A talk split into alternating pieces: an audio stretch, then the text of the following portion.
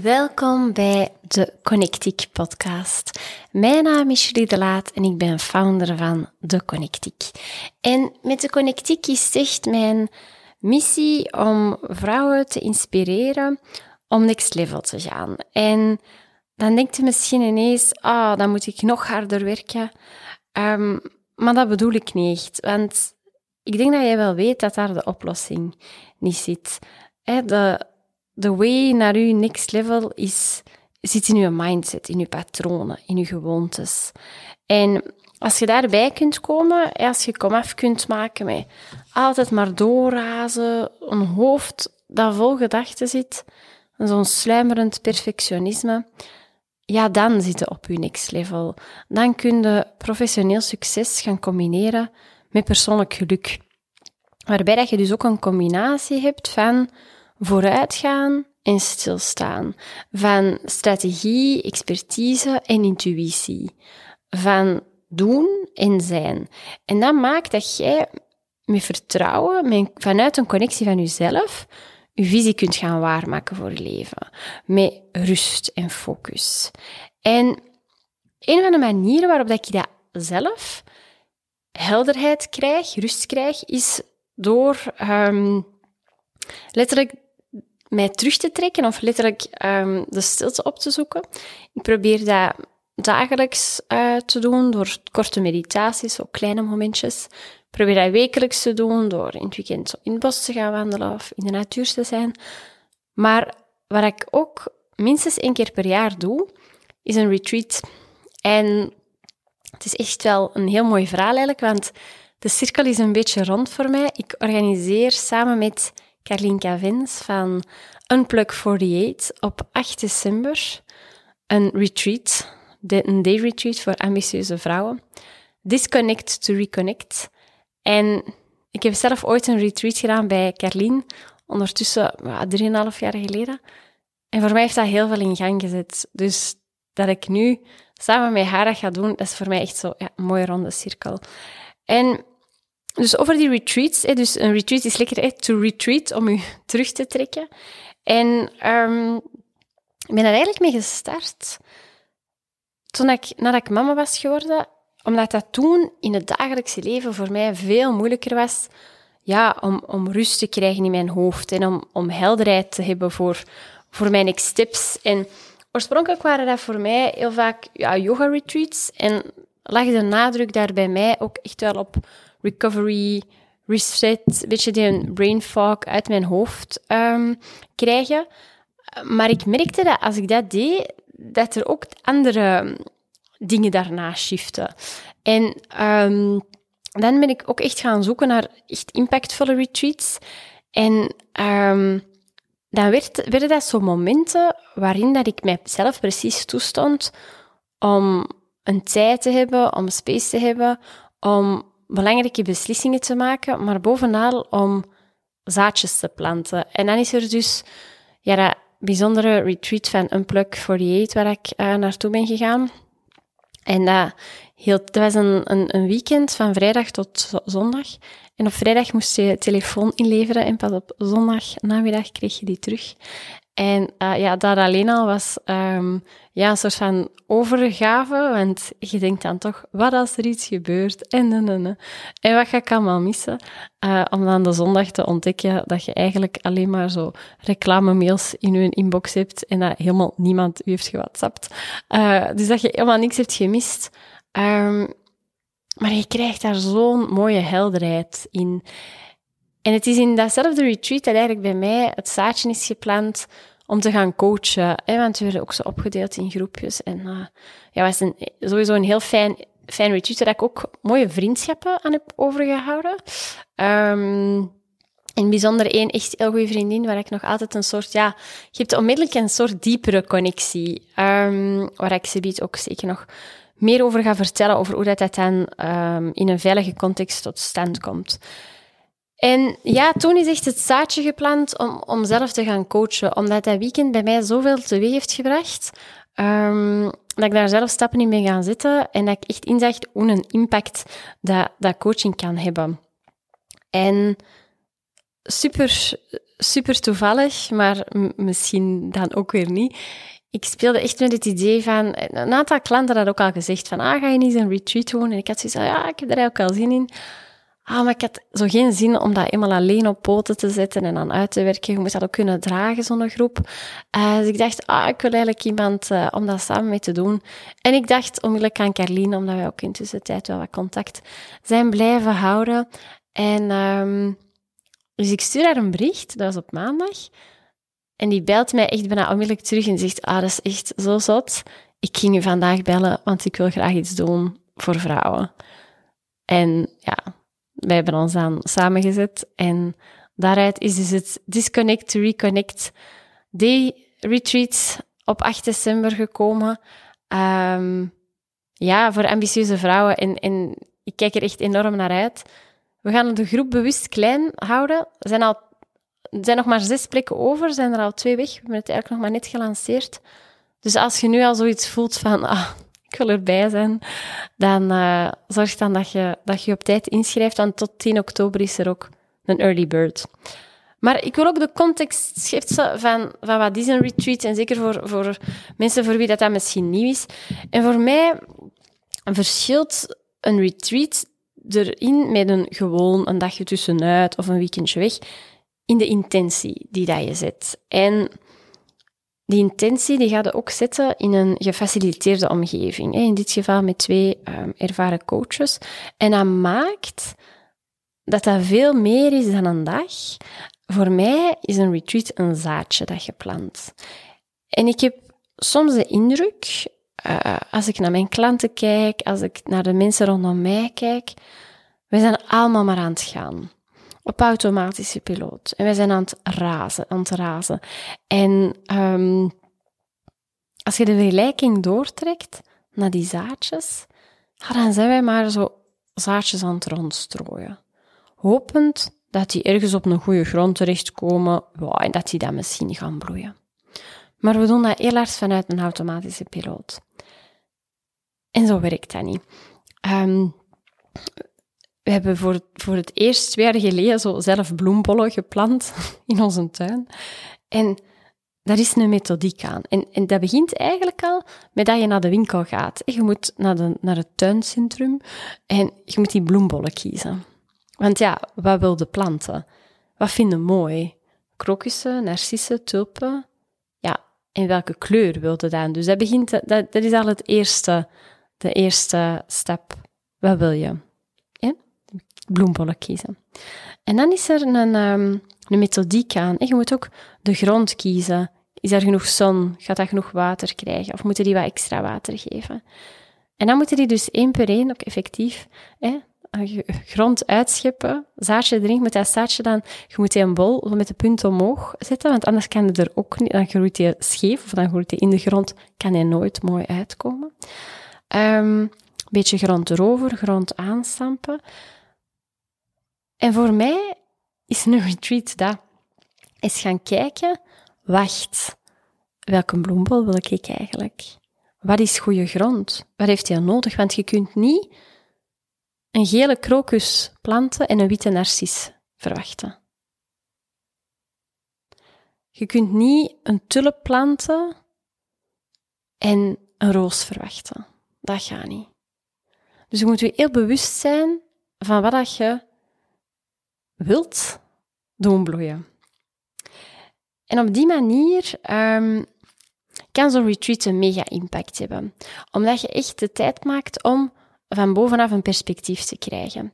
En omdat het belangrijk is dat dat ook inderdaad wordt opgevolgd met de juiste grond, zon, regen voor dat zaadje, voorzien wij ook wel een, eh, een digitaal opvolgmoment dat we samen met de deelnemsters samen uh, vastleggen waarin we een maand na het retreat ongeveer samenkomen en dat er een accountability is, zodanig dat dat niet zomaar een dag is, maar dat je effectief wel een zaadje plant. En ik geloof heel hard dat je uit zo'n dag haalt wat je op dat moment nodig hebt. En misschien is dat helderheid, misschien is dat kracht om zo'n next step te durven zetten, om een beslissing te durven maken. Misschien is dat terug um, connectie met jezelf vinden. En dat is echt heel belangrijk om af en toe uit te zoomen zodat je daarna terug verder kunt gaan, maar in de juiste richting. En wat maakt dat nu zo belangrijk? Wij, wij ehm, leven eigenlijk als mensen van verbinding en bevestiging. Maar wat gebeurt er nu zo vaak in die automatische piloot?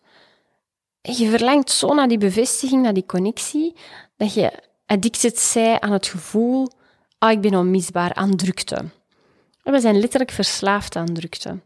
Want elke keer als, uh, als er iets gebeurt, een deal, een succesvolle mail, een like, een verkoop, dan komt er zo'n shotje dopamine vrij in je hersenen. En dat is je gelukshormoon. Dat is verslavend, je wilt daar altijd meer van. En daardoor, omdat je altijd maar meer, meer, meer, ja, meer likes, meer verkopen, meer weet ik veel wat. Um, en doordat je altijd snakt naar meer, naar die verbinding, verlies je soms de connectie met jezelf. Want wanneer is meer, nog een like of nog een verkoop dan genoeg? En hoe kun je die connectie met jezelf blijven bewaken, zodanig dat je eigenlijk die bevestiging van iemand anders niet nodig hebt? En dat is echt door die wisselwerking, van stilstaan en vooruitgaan, van zijn en doen. Um, dus daarin zijn periodes van rust en reflectie gewoon cruciaal om terug tot jezelf te komen.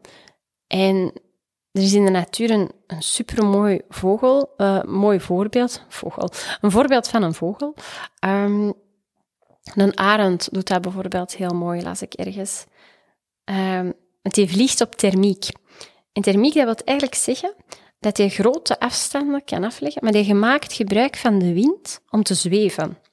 En dus wat doen een arend? Die zoekt eigenlijk voortdurend naar thermiek bellen. En die kent de juiste verhouding tussen werken en rusten. Want je werkt, die vliegt naar een thermiekbel en dan zweeft hij, laat hij zich eigenlijk door de wind verder zweven. En dat maakt dat hij verder geraakt, zonder dat hij uitgeput is.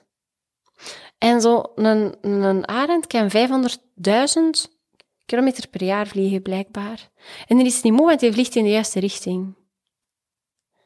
En daar ook die vergelijking gaat ook wel op, want hoe vaak proberen we niet ja, om tegen de wind in te gaan?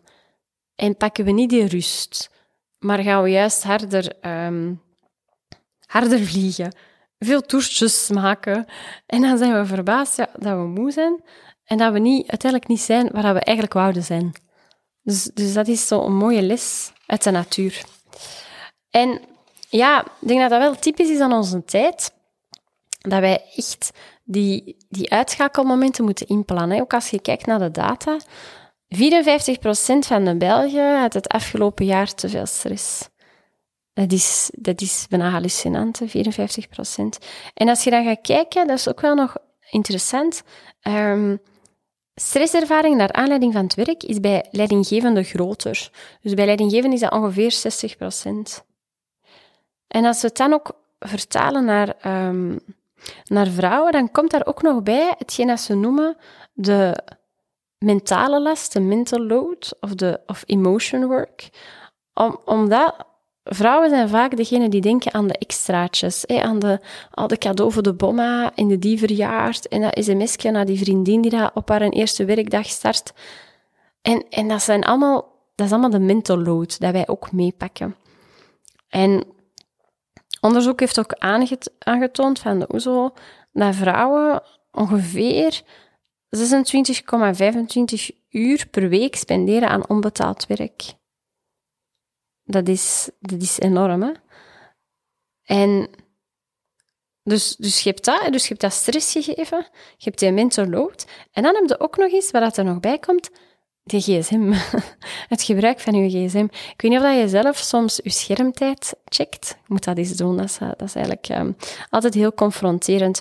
Um, ehm, 65% van de Belgen spenderen gemiddeld anderhalf uur van hun tijd op social networks. Dat zijn 76 werkdagen per jaar. En gemiddeld pakken Belgen hun gsm 34 keer per dag op.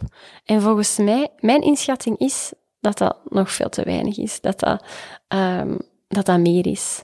Doe, doe voor jezelf eens de test en ga straks eens kijken. Je kunt dat zo bij instellingen aan schermtijd. Dan kun je kijken per app hoeveel tijd dat je spendeert gemiddeld. En ook hoe vaak dat je je gsm oppakt. En uh, ja, dat is eigenlijk echt um, heel confronterend, die cijfers. En 15 minuten na het ontwaken heeft de hel helft van de Belgen hun smartphone al gecheckt. Dus misschien dat je dat ook wel herkent. Hè? Ik probeer dat nu bewust niet te doen. Alleen mijn, mijn alarm staat daarop. Uh, nu, alarm met kleine kinderen. Uh, ik heb dat meestal niet nodig. Um, maar ik probeer echt tot, tot half acht. Ik sta rond half zeven op en tot half acht probeer je echt niet te checken. Om tijd te hebben met de, met de kinderen om bewust wakker te worden. En, en s'avonds bekijkt 45% van alle Belgen tot een kwartier voor bedtijd. Dat is echt alles zo slecht, want dan kun je niet goed slapen. Je moet echt proberen... je moet niks, hè.